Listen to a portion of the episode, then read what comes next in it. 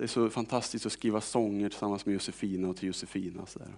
Då säger Alfred att ja, men jag, jag tänker jag skulle börja skriva lite sånger till dig Lukas, så att vi kan börja samarbeta du och jag. Nu har det gått fyra år och än har inget hänt.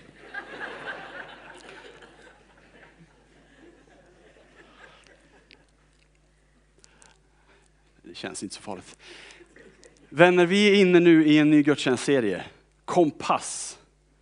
Från var som helst till någonstans.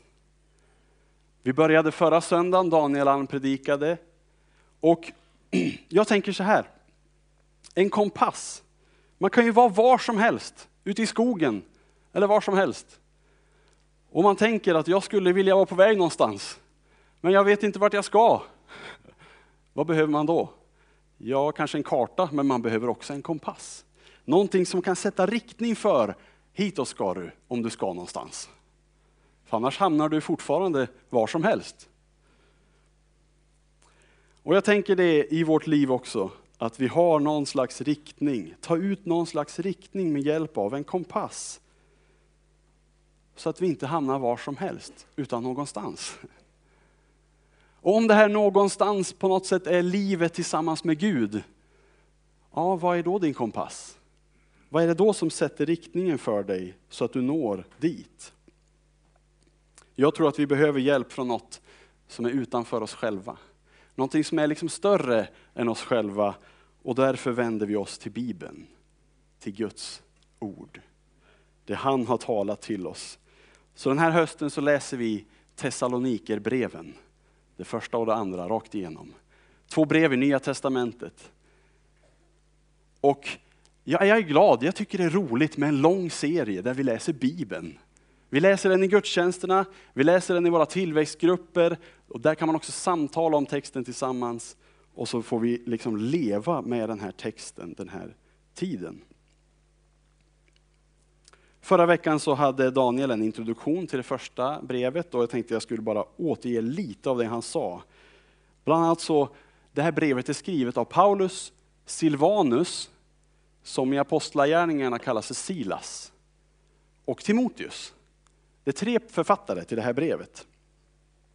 Det skickas till församlingen som de på något sätt har varit med och grundat i Thessalonike. Thessalonike är en stor viktig stad i romarriket på den här tiden. Eh, som ligger i en provins som heter Makedonien.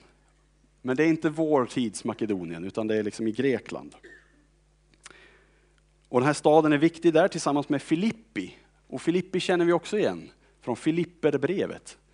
Det brevet är skrivet till församlingen i Filippi. Och det här är ett av de tidigaste breven som Paulus eh, har lämnat efter sig, som vi har i vår bibel. I Filippi så finns det eller i Thessalonike förstås, så finns det flera stora liksom folkgrupper. Det är en, en eh, mångfaldsstad kan man säga. Och det är också, kan man säga, tack vare att Paulus och Silas åkte dit, som jag läser om i Apostlagärningarna 16, eh, som evangeliet kom till Europa. Och det är också intressant tycker jag. Så nu ska vi läsa från första Thessalonikerbrevet 2. Och då står vi upp tillsammans när vi läser. Och vi står upp för att det är en respekthandling inför Guds ord. Att vi tror att det är Gud som har talat det. Första Thessalonikerbrevet 2, vers 1 till 13.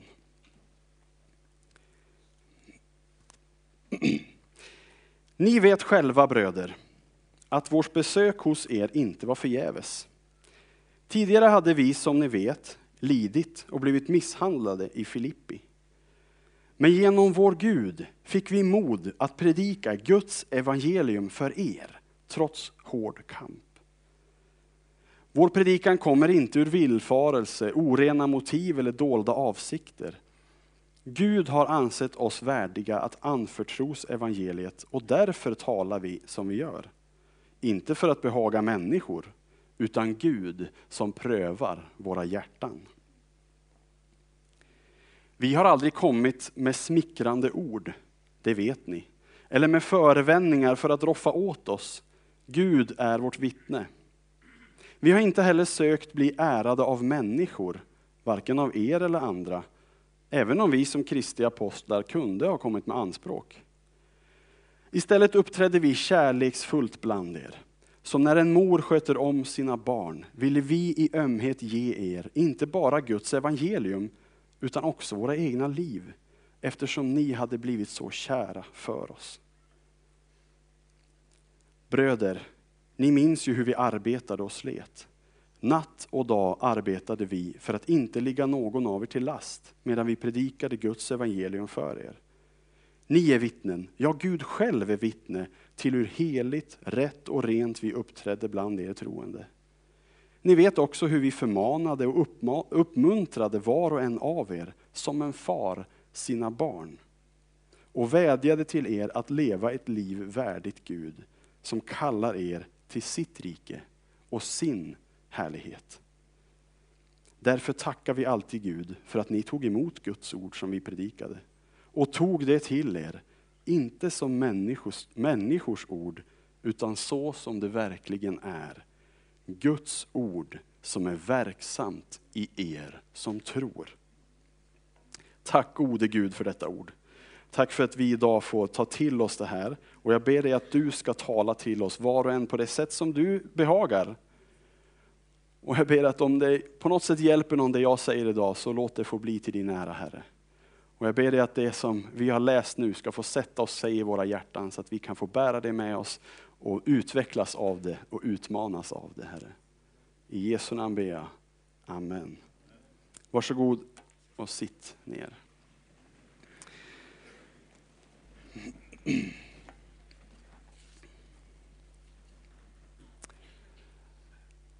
De första verserna i den här texten berättar om hur de har blivit misshandlade i Filippi. Hur de har blivit eh, piskade. Och vi läser om det om vi vill i Apostlagärningarna kapitel 16. Paulus och Silas blir dragna inför domarna. Eh, de piskar dem och så kastar de dem i fängelse. Och jag tänker då när jag läser det att ja, inte ens de här, Paulus och Silas, inte ens de som liksom är så bra och som gör så mycket rätt för Gud, inte ens de slipper undan lidandet. Och det ger mig tröst. För jag tycker inte livet alltid är underbart. Men så ser jag hur de får utstå lidande för sin tros skull. Och då känner jag, ja, Gud är nog med mig också i detta. För vad hände med Paulus och Silas? De sitter där i fängelse, de sjunger lovsånger till Gud. Och så på ett mirakulöst sätt befriar Gud dem från fängelset. Och sen stannar de kvar lite i Filippi.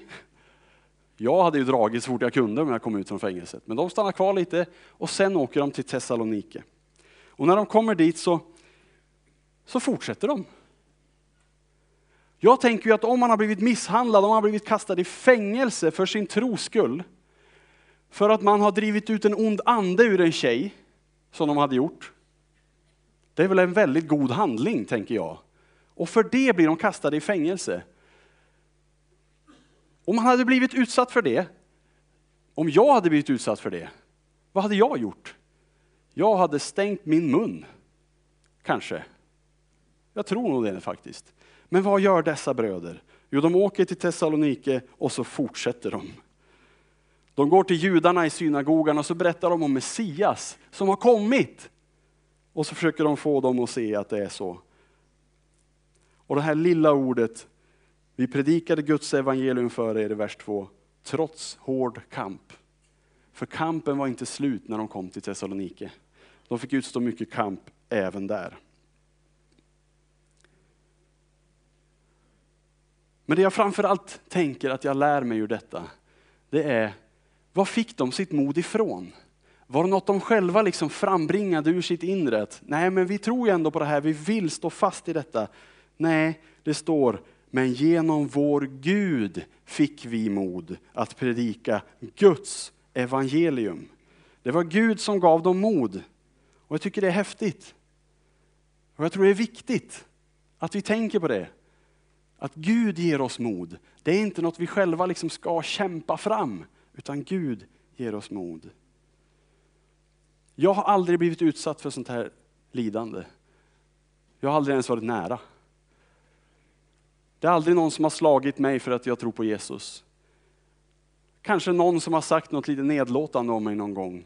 Jaha, du är en av dem, lite idioterna. Ja, det var väl inte så farligt. Men tänk om man skulle bli utsatt för detta, förföljelse på det här sättet, våld, fängelse. För många av oss kanske det inte det känns långt borta. Det är inte någonting som sker för oss här.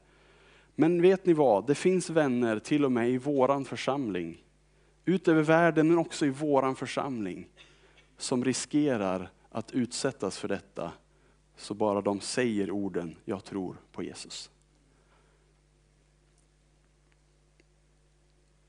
Och min bön är Gud ge dem mod. Men jag ber också Gud bevara dem från detta. Det finns eh, asylsökande som vi har döpt och som tror på Jesus och som verkligen brinner för Jesus. Som om de skulle behöva tvingas åka tillbaka till sitt land så kommer de förmodligen utsättas för detta. Kanske till och med bli dödade. Och jag ber att de ska få stanna i Sverige, att de ska få utöva sin tro i frid och ro. Men om de utsätts för förföljelse så ber jag också att Gud ska ge dem mod. I tisdag satt jag i Norberg med en av de här killarna, eller med många av dem. Men en av dem berättade, han kommer från Afghanistan ursprungligen. Och så berättade han om att när jag började tro på Jesus, när jag började gå till kyrkan, då var jag rädd. För de andra som bodde på samma boende. Jag vågade inte berätta för dem att jag skulle gå till kyrkan. Jag vågade inte berätta att jag har börjat tro på Jesus. För de kommer göra någonting med mig då. Men sen bestämde han sig för, jag ska bli döpt. Och när han hade blivit döpt, jag döpte honom i februari i Norberg. Och när han hade blivit döpt, alltså det hände någonting. Nu går han med ett stort kors runt halsen. Och han går och berättar för dem han möter, ni måste börja tro på Jesus, det är det bästa. Och då sitter vi där på tisdag och så pekar en annan kille att han, den här killen berättar för mig. Och det var han som berättade för honom. För att han, den här killen som du döpte, berättade för honom i första gången. Att han måste tro på Jesus. Så man sitter där med fem killar som tror på Jesus, kanske tack vare den här killen. Och då känner jag, Gud ger mod. Och det är underbart och jag tycker han är en förebild. Jag blir så glad att sitta där och få läsa Bibeln tillsammans med de här som bara älskar Jesus och som vill bara suga i sig mer och mer av vem han är. Det är underbart. Jag åker dit varannan tisdag, ring om ni vill åka med någon gång. Ni får jättegärna följa med. Jag lovar er, ni kommer inte åka hem och känna, åh vad värdelöst det där var. Ni kommer känna, wow, det var häftigt. Ja, men fick jag med det också. I fortsättningen av vår text här så skriver då Paulus, Silas och Timoteus om i vers 3 att predikan inte kommer ur villfarelse, inte ur orena motiv. Och jag tänker ganska snabbt att ja, men är inte det liksom lidandet de utsätts för, det är lite av ett bevis för att de inte har orena motiv. Vem hade stått ut den förföljelse de fick om det hade varit bara för att upphöja sig själv? Det fick ju tvärtom effekt liksom. Då blev vi ju slagna istället för att få någon slags ära själva.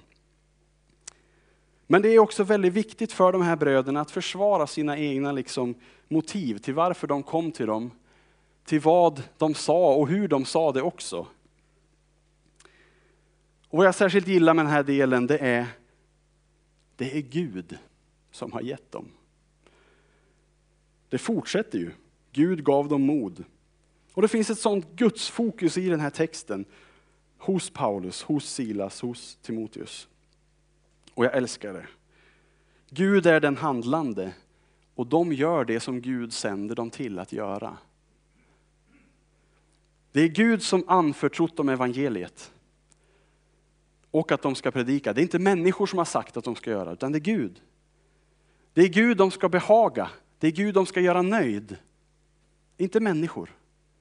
Inte för att det ska låta vackert, för att människor ska klappa om dem och säga, ja det var en fin predikan. Det är Gud som är deras vittne till att de verkligen faktiskt inte kom bara med smickrande ord och försökte liksom roffa åt sig något själva. Det är Guds ära de söker.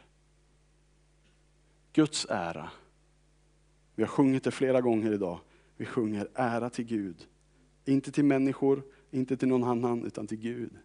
Det är han som är värd vår ära. Det är därför de predikar evangeliet.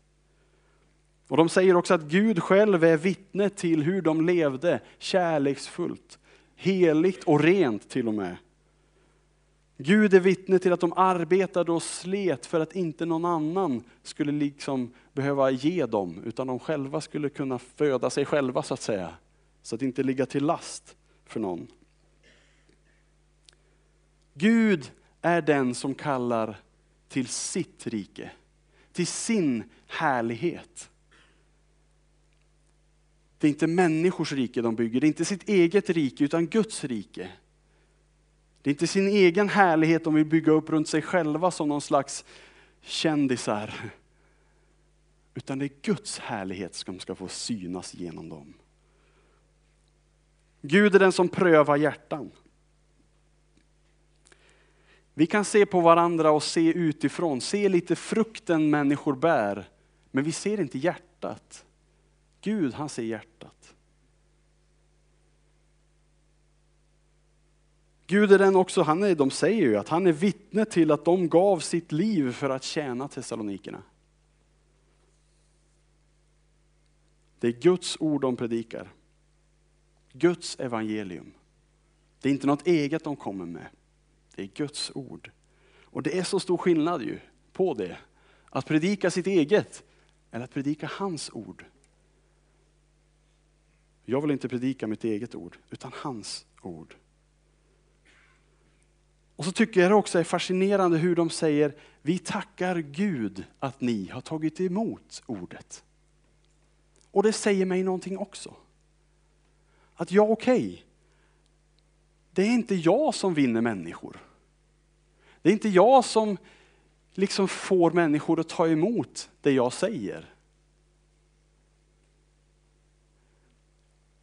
Det är Jesus som vinner människor.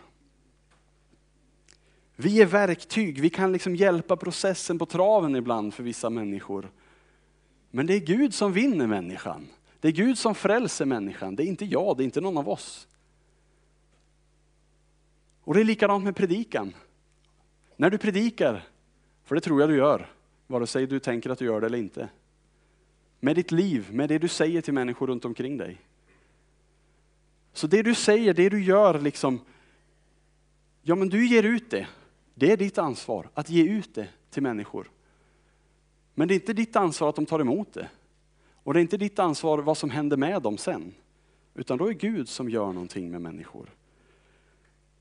Så jag tackar Gud för att ni tar emot det jag säger idag. Det tror jag inte handlar om mig. Om ni nu tar emot det, vill säga.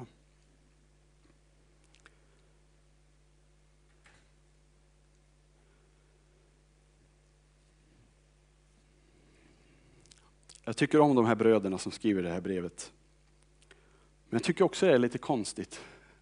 Eller lite starkt.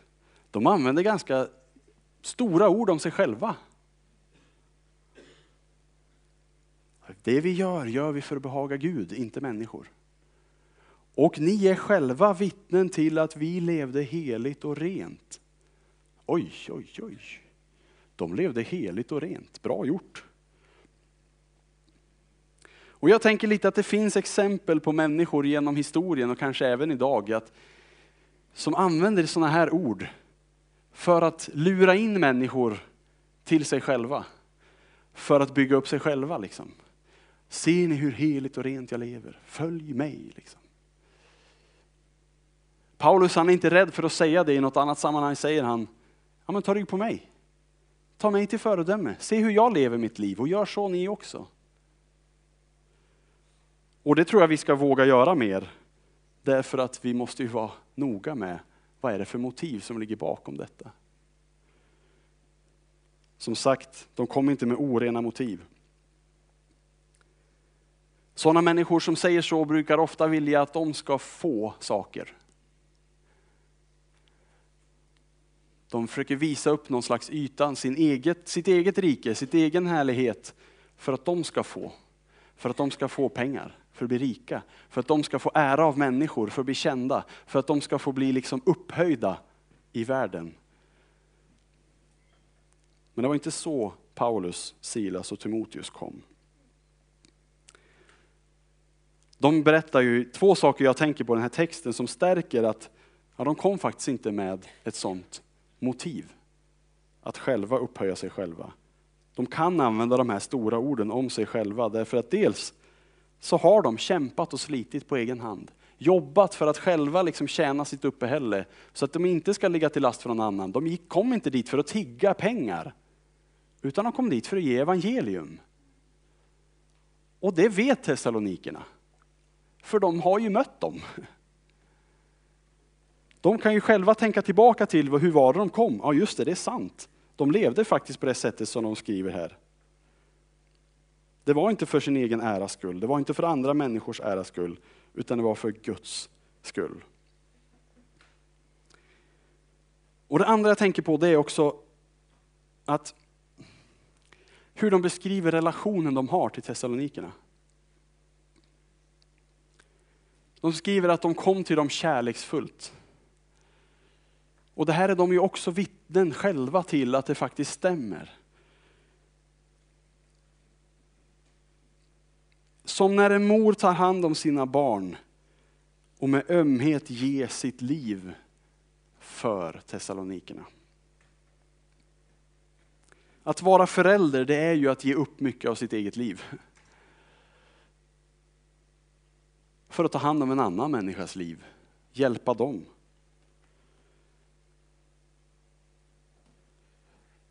Lite senare skriver han, de förmanade och uppmuntrade som en far för att hjälpa dem att leva ett värdigt liv, ett liv värdigt Gud. Och en fostran från en förälder kanske man i stunden inte alltid uppskattar. Det är kanske bara jag som kände igen mig i det. Men när man ser tillbaka på sitt liv så vet man att, okej, okay, eller så ser man ofta, min pappa och mamma de var inte perfekta men mycket av det de gjorde kan jag nu se att de faktiskt gjorde för min skull. Att de hindrade mig från att göra vissa saker därför att det var för mitt eget bästa skull. Och den relationen har Paulus, Silas, Timoteus till de här människorna i Thessalonike. Men det bästa för deras skull. Och jag tänker så här, att behaga Gud mer än människor. Det finns de som använder det som någon slags motivering till att då kan jag behandla människor hur jag vill. Men jag tycker det är fruktansvärt. De använder det som motivering för att säga nej, jag lyder ingen, utan jag ska bara lyda Gud. Jag lyder ingen människa. Jag ska bara behaga Gud med mitt liv. Har du läst vidare i texten vad det står, hur de faktiskt var mot människor? Jag tror det är jätteviktigt. Det är jätteviktigt med kärleken till andra människor. Hur behagar vi Gud? Jag tror inte vi gör det genom att bete oss illa mot andra människor, utan vi gör det genom att älska människor, älska varandra.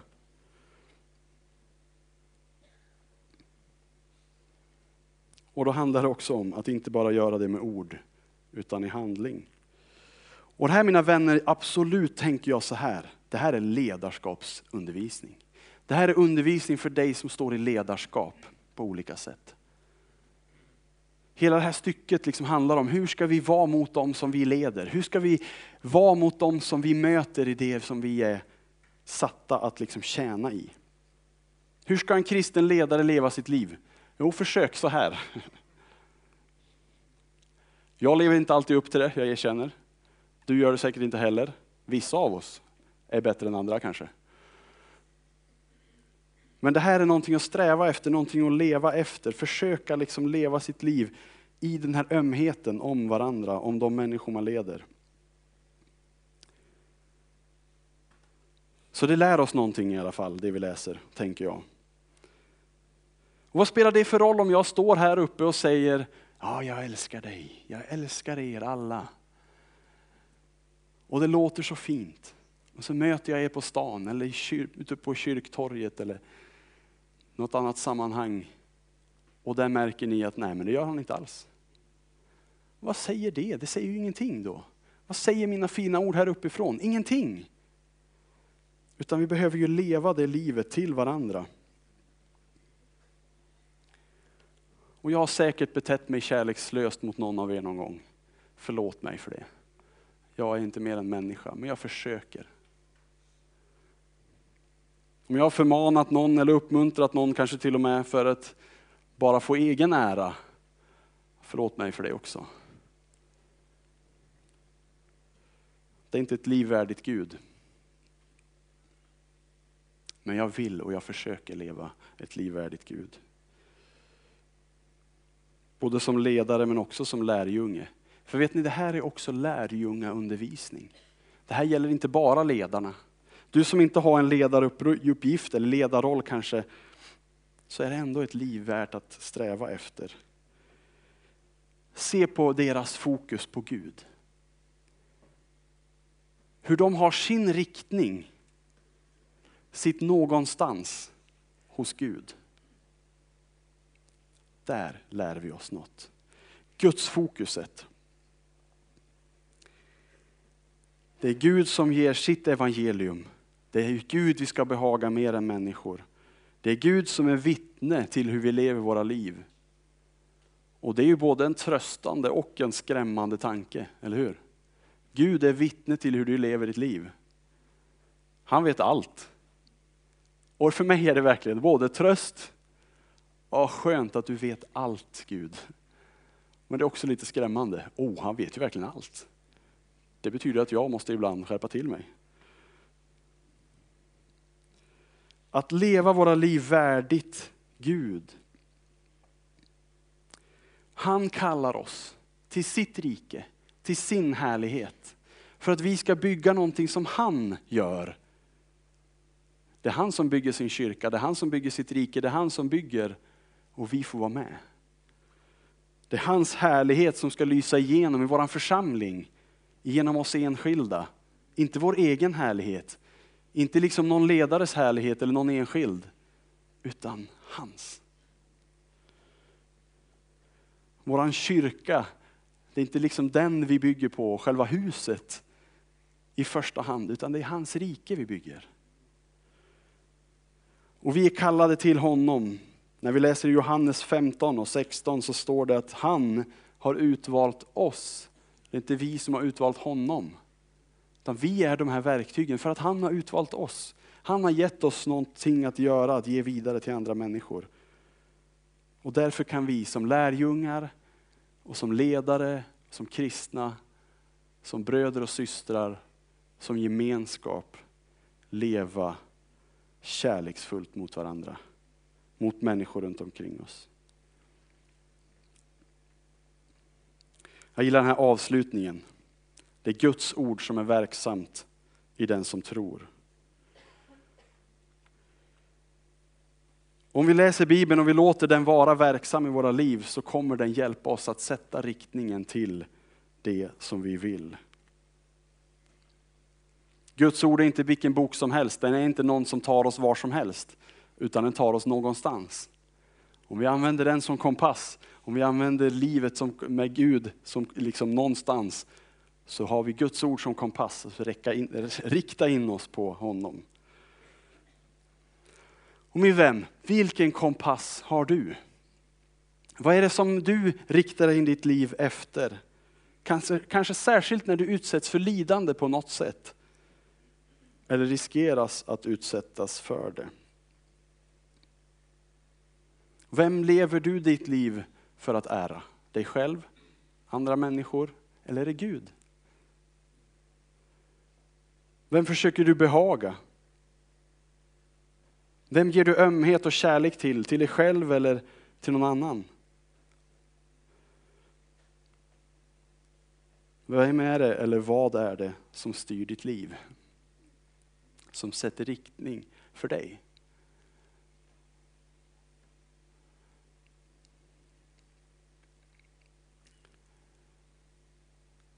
Tack Jesus för ditt ord.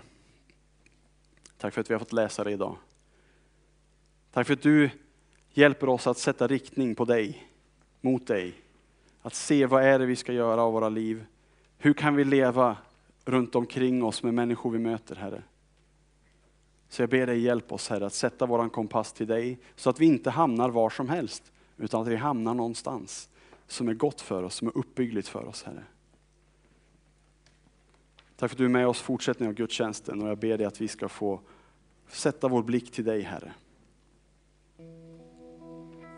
Amen.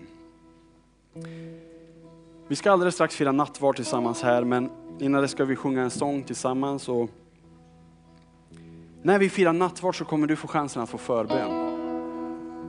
Och jag tänker på förbön ibland och så tänker jag att att söka förbön av en annan människa, det kan vara mer en simdyna som hjälper mig att hålla mig flytande så att jag kan fortsätta simma framåt. Så att jag kan ta mig någonstans. Mer, mer en simdyna än en livboj jag greppar efter när jag håller på att drunkna. Förstår ni bilden? Låt förbön vara någonting som sker kontinuerligt i ditt liv snarare än något som du går till när det verkligen krisar. Låt någon människa be för dig. Vad det än är du har med dig idag, vad ditt hjärta än bär för behov eller din kropp eller din själ eller din ande. Så låt någon be för dig sen när vi firar nattvard. Bara säg det, skicka med dig som en liten uppmaning. Varsågoda.